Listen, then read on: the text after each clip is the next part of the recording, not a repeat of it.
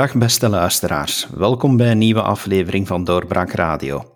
Ik ben uw gastheer David Geens en mijn gast vandaag is Stijn Baart, professor arbeidseconomie. Goeiedag, professor. Goedenavond. Professor, er is momenteel heel wat te doen omtrent praktijktesten en etnische kloof op de arbeidsmarkt. En ik wil u dan als specialist vragen van, is er effectief een grote etnische kloof? Wel, die etnische kloof die is onmiskenbaar. Hè. Daarvoor moet je gewoon kijken naar uh, werkloosheidsstatistieken, werkzaamheidsstatistieken. En dan zie je dat er een enorm verschil is tussen mensen met een migratieachtergrond en mensen zonder migratieachtergrond, autochtonen dus. Nu, die kloof op zich, hè, die achterstand van gewezen migranten in, in tewerkstelling, die mag je natuurlijk niet gelijkschakelen met, uh, met de discriminatie waar dat we het de, de, afgelopen dagen hebben over gehad. Dat zijn eigenlijk drie verklaringen. Hè. Dus een, een eerste verklaring heeft te maken met een, een verschil in menselijk kapitaal. Dat wil zeggen een verschil in, in opleidingsniveau, in vaardigheden, in talenkennis uh, bijvoorbeeld.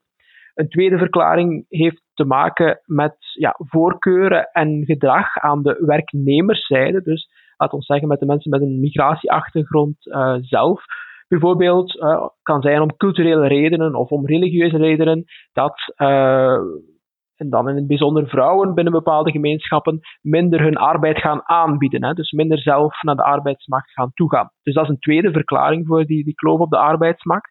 En een derde verklaring, dat is dan effectief discriminatie. Dat is dus ja, een, een, een verschil in, in uh, gedrag en in voorkeur aan de werkgeverszijde ten opzichte van, uh, van die groepen. En die drie verklaringen, ja, die, die spelen alle drie mee. Onderzoek heeft wel uitgewezen dat elk van die verklaringen belangrijk zijn. Uh, de afgelopen dagen focussen we heel sterk op die derde, maar ze zijn er voor alle duidelijkheid alle drie. Er is dus ook een, een, heel belangrijke factor in opleiding. Zien we dan wat betreft het opleidingsniveau een groot verschil tussen de allochtone en de autochtone groepen?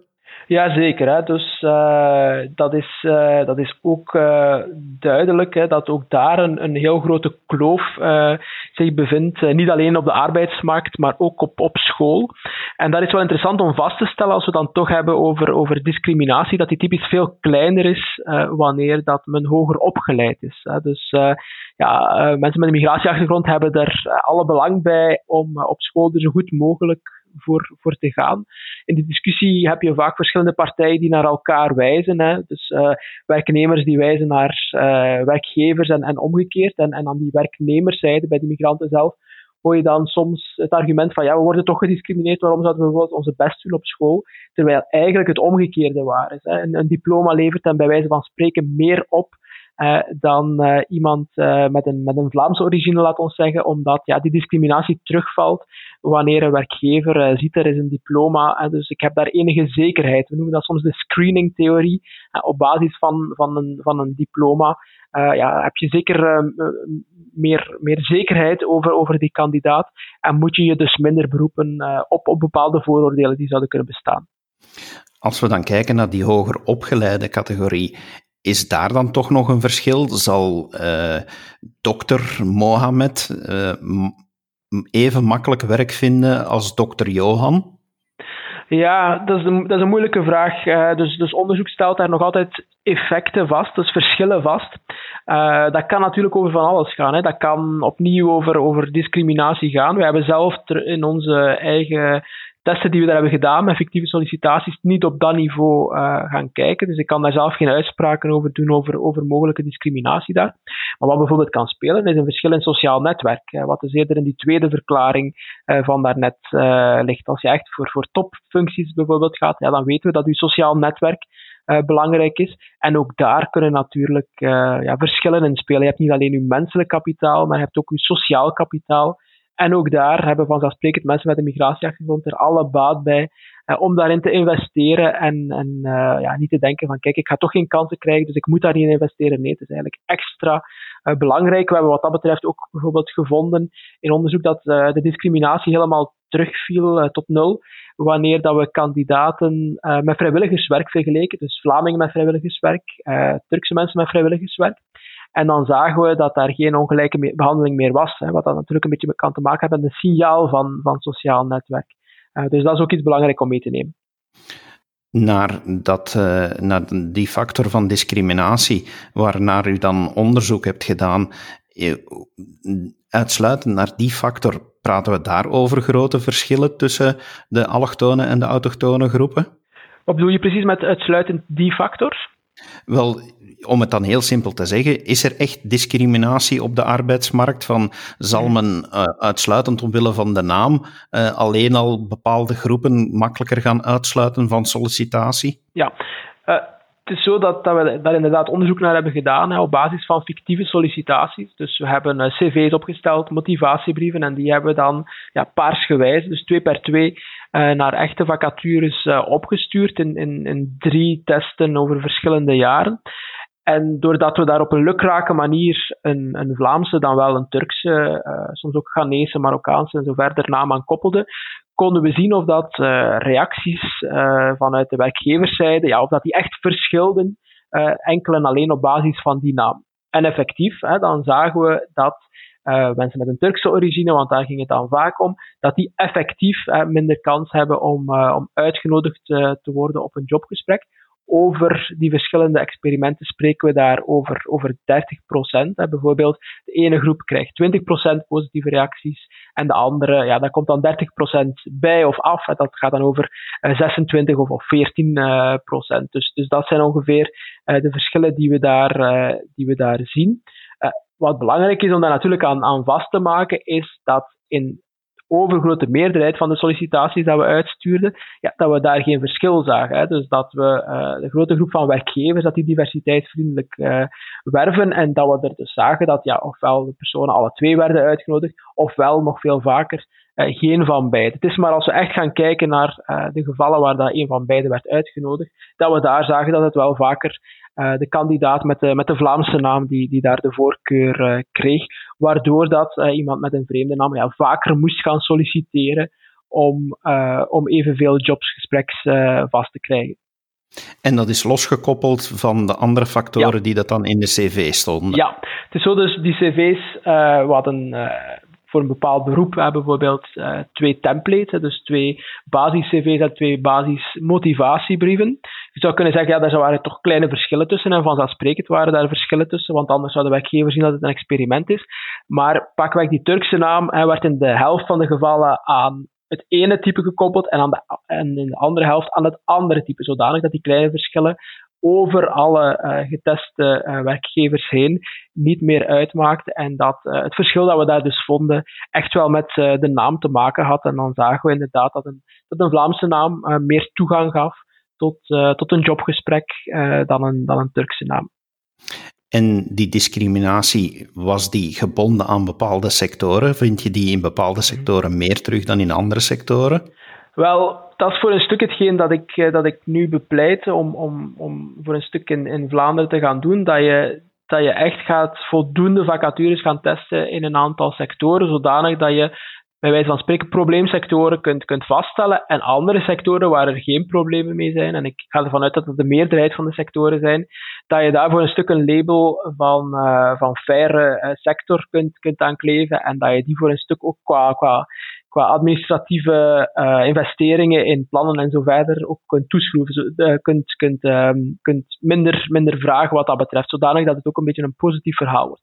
Dus in dat eerder onderzoek hebben we dat niet gedaan, naar sectorniveaus gekeken, maar we hebben wel andere dingen gezien. Bijvoorbeeld uh, dat er in knelpenberoepen helemaal geen discriminatie was. Daarentegen in beroepen waarvoor er veel kandidaten waren, typisch voor de vacatures, dat je daar meer ongelijke behandeling zag.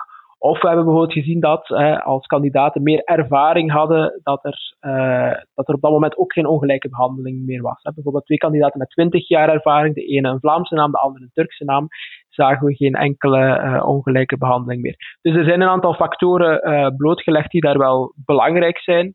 Maar we hebben nog niet ja, echt op dat sectorniveau kunnen focussen. En ik denk dat dat relevant zou zijn om effectief praktijktesten op dat niveau te gaan doen. En dus, zoals ik zei, ja, de sectoren die die opvolging nodig hebben, uh, daaruit te halen. En niet hè, zoals men uh, vroeger dacht over praktijktesten. En zoals ik hoorde, sommige partijen in het Vlaams parlement vorige, week daar ook nog zo over dachten dat je praktijktesten gaat gebruiken om individuele werkgevers te gaan opvolgen en bestraffen. Daar geloof ik niet in omdat daar zeker nog het, het, toeval kan spelen. Dus, dus sectorniveau lijkt me daar echt heel nuttig te zijn. Ziet u het dan eerder als een academische tool om, om onderzoek naar te doen en het beleid te kunnen adviseren? Nee, ik zie, ik, zie, ik zie er eigenlijk wel meer dan dat. En ik denk uh, als je dus in een eerste meting uh, ja, in een aantal sectoren de discriminatie kunt gaan meten en dus de probleemsectoren uh, eruit halen, dan zou het de bedoeling moeten zijn om ja, die sectoren te zeggen: kijk, zet u zelf in regel, probeer uh, via ja, eigen sensibiliseringscampagnes die dan misschien doelmatiger zijn of door zelf uh, fictieve testen uit te voeren of wat dan ook.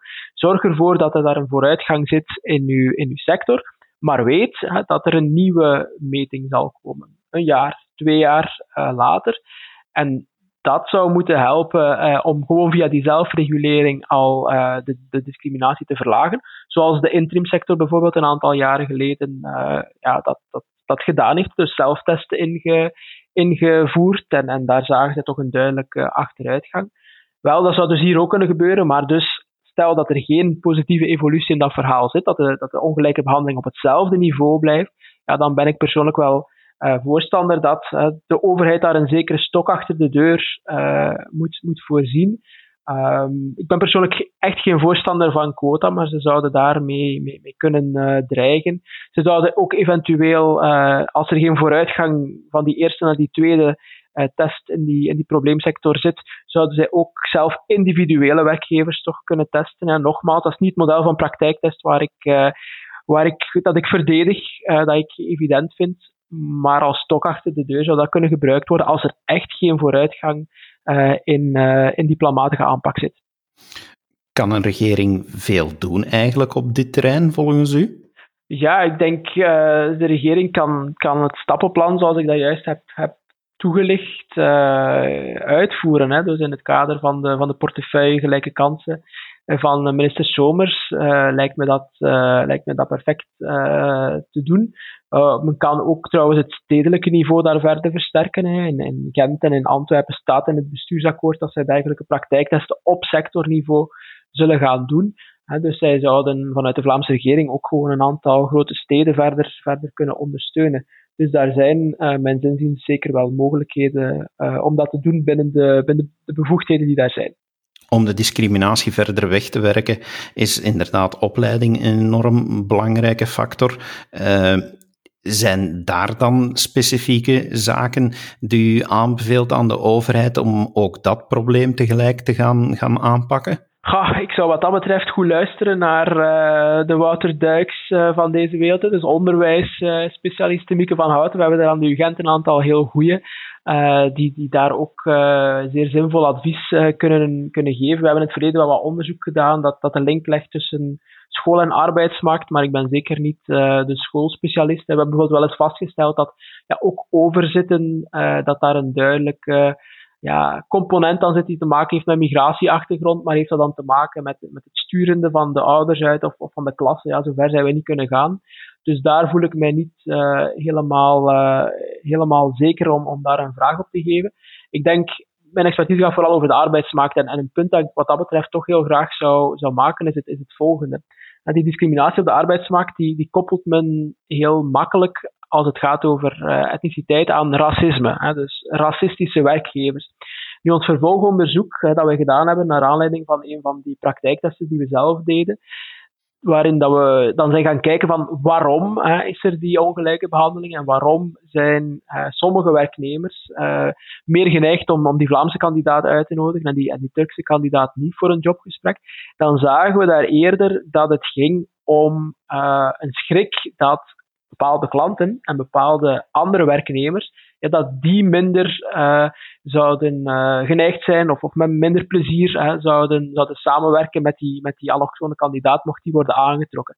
Er was helemaal geen evidentie voor een eigen onwil bij die werkgevers om samen te werken met kandidaten met een, met een vreemde naam. Dus ik denk dat het belangrijk is dat het beleid ook daar moet op, op inzetten voor een stuk ja, sensibiliseren, ook in de richting van idee dat, dat klanten en zo verder uh, racisten zouden zijn, bij wijze van spreken, ja, ook dat uh, voor een stuk uit de hoofden van, uh, van de werkgevers halen. Want ik denk dat dat even onterecht is dan, dan, de eigen, dan het eigen niet-racistisch zijn bij die werkgevers. Dat, dat zelf duidelijk genoeg in dat, in dat vervolgonderzoek bleek. dat, zij, dat zij niet uit racistische motieven aan, het, aan, het, aan het discrimineren waren. We zitten nu in de eerste periode na de lockdown van de coronacrisis. Er moeten relatieplannen komen, of dat die er al dan niet gaan komen in de huidige politieke situatie, laat ik nog in het midden. Maar in die relatieplannen gaat natuurlijk heel veel aandacht gaan naar economie en naar arbeid. Denkt u dat er dan specifieke zaken nodig zijn, of kansen die nu geboden worden in de relatieplannen, om ook op dit gebied uh, kansen te gaan creëren? Ja, voor een stuk is dat natuurlijk een, uh, een, een, vraagstuk voor de politici. Dus ik, ik ben zelf lid van, van het Vlaamse Relanscomité, dus op dat niveau kan ik mijn adviezen wel, wel geven, maar uiteindelijk de, de beslissing uh, van, van wat doen wij en, en hoe breed zien wij onze relancebeleid, dat ligt natuurlijk uh, bij de politiek, mijn zinziens is het wel zo dat, dat, ja, dat je wel kunt discussiëren over uh, praktijktesten in, in coronatijden en in post-coronatijden. Dus enerzijds is er het argument van, ja, moet je uh, werkgevers op dit moment gaan, gaan testen? En voor een stuk, een deel van de tijd, is natuurlijk een heel beperkte tijd als het over e-mails beantwoorden gaat, maar goed, en moet je die tijd ontnemen in plaats van hen zich volledig aan de relance te laten wijden. Ik versta dat argument. Hè. Nu, een ander argument is dat we, dat we weten uit, uit onderzoek waar ik daar juist ook naar verwezen heb, dat uh, typisch ongelijke behandeling groter is uh, wanneer er veel kandidaten zijn uh, voor, voor vacatures, dus voor niet-knelpende beroepen. En wat dat betreft is mijn vermoeden dat, dat door deze crisis dat, ja, de ongelijke behandeling zou kunnen toenemen als we niks doen. Dat wil zeggen, meer werkzoekenden, minder vacatures. Dus in principe zou, zou de keuze voor die Vlaamse kandidaat uh, makkelijker zijn. Als je een, vreemde kandidaat niet uitnodigt voor een jobgesprek, dat je toch nog voldoende kandidaten hebt. Dus ja, er is een argument pro en een argument contra uh, voor, voor dit soort beleid met praktijktesten rond, uh, rond discriminatie. Het is vanzelfsprekend ook aan, aan de politiek om, om daar een afweging te maken. Ik zou het voor een stuk omgekeerd willen stellen. Ik denk als men in, in die relance, in dat bredere beleid daaromtrent, als men het daar cruciaal vindt dat uh, discriminatie op onze arbeidsmarkt wordt teruggedrongen, dan denk ik dat er niet zo heel veel andere manieren bestaan dan uh, uit dat vaatje van die praktijktesten. Nogmaals, niet om individuele werkgevers te gaan opvolgen, maar om op een sectorniveau te, gaan, te gaan meten en daar via zelfregulering te gaan, te gaan opvolgen. Ja, dan denk ik dat er niet veel andere mogelijkheden zijn dan dat te doen. er zijn de afgelopen 10, 20 jaar heel veel diversiteit, sensibiliseringsplannen gebeurd. Ja, en op basis van onze eigen metingen ja, zien we daar toch niet echt een, een, duidelijke vooruitgang. Dus persoonlijk denk ik wel dat men, als men dat echt wilt meenemen, dat, uh, dat men naar, naar dergelijke testen wel zal moeten gaan. Heel duidelijk, professor. Dank u wel voor de toelichting. Met veel plezier gedaan. En u ook, beste luisteraar, we eh, hopen dat u eh, weer wat bijgeleerd heeft uit eh, deze podcast. En we nodigen u graag uit om ook af te stemmen op onze andere podcasts, waar er enkele bij zijn die ook over dit onderwerp gaan en discriminatie in het algemeen belichten. Luister er zeker naar. Dank u wel en tot de volgende keer. Dit was een episode van Doorbraak Radio, de podcast van doorbraak.be. Volg onze podcast op doorbraak.be/slash radio of via Apple Podcasts, Overcast of Spotify. Bezoek ook onze website op doorbraak.be en steun ons door een vriend te worden van Doorbraak.